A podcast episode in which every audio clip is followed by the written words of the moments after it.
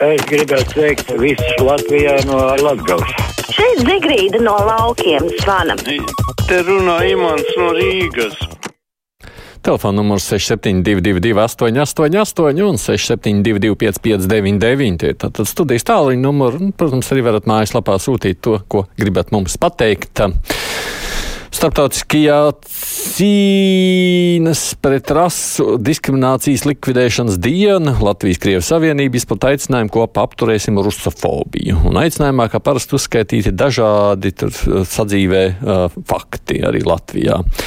Taču jaunums, ļaunums, ne, ļauns ir tas, ka viņi aicina savus atbalstītājus zinot valsts policijai, arī norādot tālruņas internets saites Beigās konkrēti runa par Latvijas iedzīvotāju diskrimināciju pēc nacionālā kritērija. Man ir jautājums, vai šāda it kā sadzīvisks informācijas oficiāla vākšana nav konkrēti arī vērtējama kā bāzes sagatavošana Krievijas turpmākiem apgalvojumiem par Latviju kā nacionālistisku valsti ar tādām pašām sekām kā Ukrainai. Es vispār nerunāju par karu Ukrainā, bet par traģiskiem notikumiem, izvairoties arī no vārda pēcoperācija. Tā te raksta mums Kristaps. Halo! Labdien! Labdien! Gunārs no Rīgas. Jā, Gunār. Paldies, Tomson, par iespēju pateikt dažus vārdus savai tautai. Es apskaužu uh, Ukraiņus, kam ir tāds prezidents. Tajā momentā, kad tagad vajadzētu mūsu prezidentam satikties ar, ar Igaunijas un Lietuvas prezidentiem, lai radītu apvienību, jeb Antanti kam ir vienādi politiskie, militārie, ekonomiskie mērķi. Viņš mums tādu cepuri galvā kaut ko murmulē. Paldies! Es gan sacītu, ka tur tā sadarbība tiek ļoti cieši koordinēta. Skatieties, kaut arī tās pēdējās ziņas šobrīd par Baltijas valstu ostu iespējamo slēgšanu karakuģiem. Man liekas, ka par sadarbības nesamību tā kā būtu lieki runāt. Vakar kruspunktā jautājāt, vai un kā ļaut agresori atbalstītājiem 9. maijā pulcēties pie pieminiekļa. Mans priekšlikums ir jau neilgi iepriekš norganizēt TV žurnālus sarūpētu sižetu no kara postītās Ukrainas un rādīt to uz lieliem ekrāniem, novietojot pie pieminiekļa, kur arī nodrošina nepārtrauktu baiso materiālu rādīšanu. Lai sapulcējusies autori, gribot, negribot būt spiest ar to iepazīties. Citādi viņus nav iespējams piespiest ieslēgt Latvijas kanāls un pārliecināties par patieso stāvokli šausmīgajā kara izraisītajā stāvoklī Ukraiņas pilsētās, raksta mums Govčs kundze. Hm? Arī interesants un vērā ņemams doma. Halo! Jā, lūdzu! Jā. Jā. Labdien! Labdien! Es zvanu sakarā ar vakardienas TV raidījumu viens pret vienu. No. Nu, ziniet, man liekas, ka mēs paši to ceram kājā, jo tas raidījums, ka gāja sinhronais latviešu tekstu fonā, nevarēja klausīties ne, ne, ne latviešu normāli, ne arī krieviski. Es domāju, ka tas raidījums bija vairāk orientēts krievu auditorijai.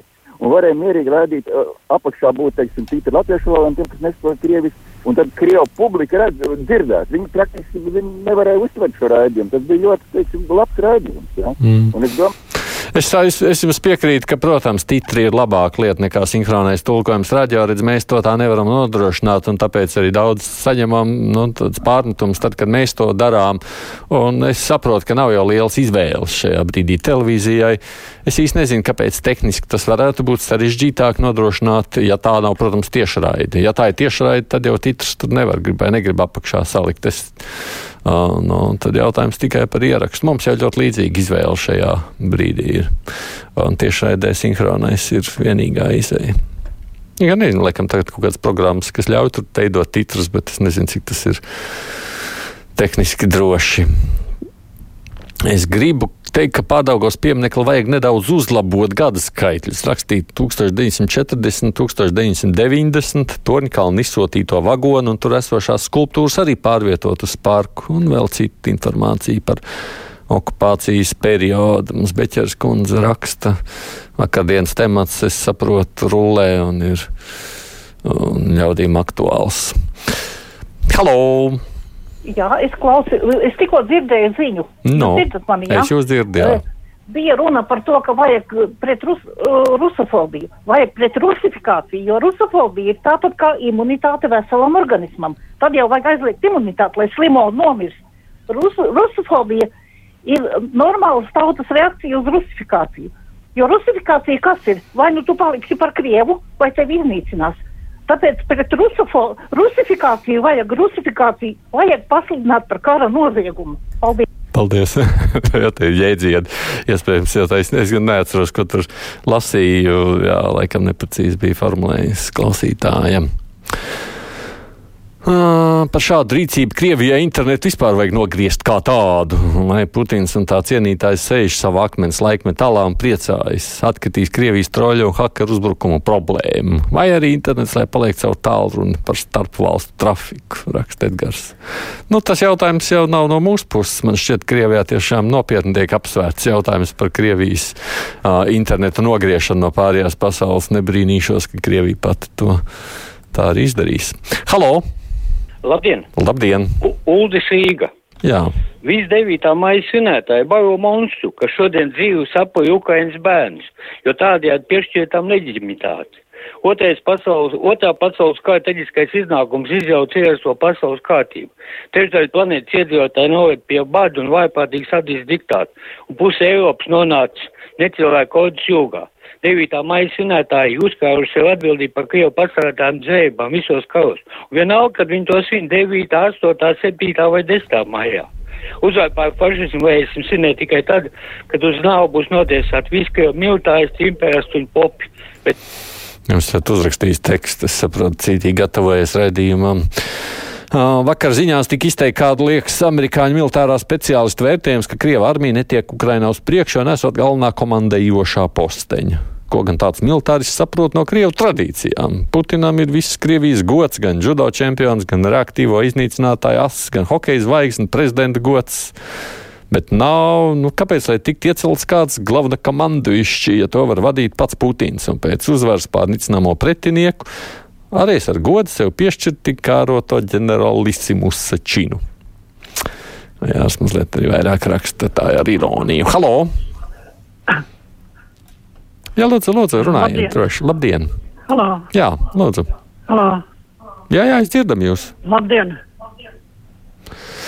Nu, tad, kad jūs mums piezvanāt, tad lūdzu neklausieties vairs pēc tam radio, kā tas atskan, bet klausieties klausulē, citādāk tā mēs līdz vakaram mēģināsim sasveicināties ar jums.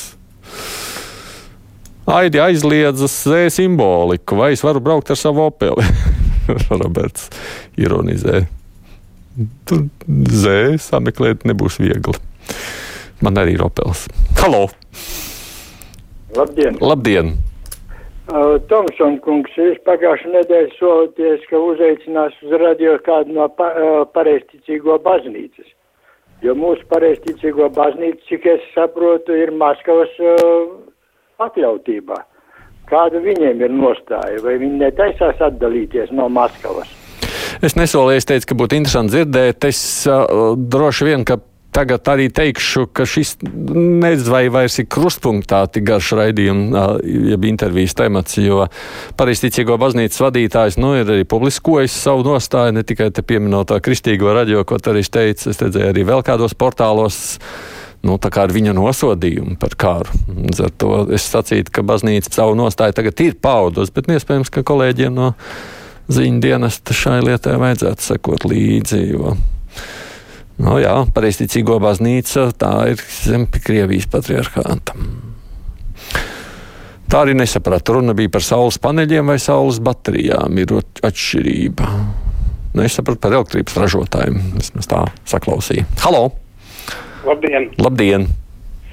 Uh, tie kanāli, kas ir aizvērti televīzijas, nu, protams, ka viņi bija jātaisa ciet, bet ir vēl vesela virkne rādio staciju, kas darbojās gan interneta rādio, man ir interneta rādio, un es varu klausīties, piemēram, Komsomolska Pravda, Vešķi FM, Rosija, un nu, netīšām uzslēdzot Rosija no rīta, dzirdot tur mūsu Pankrātovu, bija tāds Ruslāns Pankrātovs saskaņā, kuru vēlāk no turienes izslēdz ārā, viņš bija arī deputāts Rīgas domas, kurš sūdzās, ka, lūk, uh, Kirills Severovs esot aizturēts tikai tāpēc, ka viņš ir Krievs. Viņam uzprasa, vai tiešām tāpēc, ka Krievs? Jā, jā, tikai, tikai tāpēc, ka Krievs.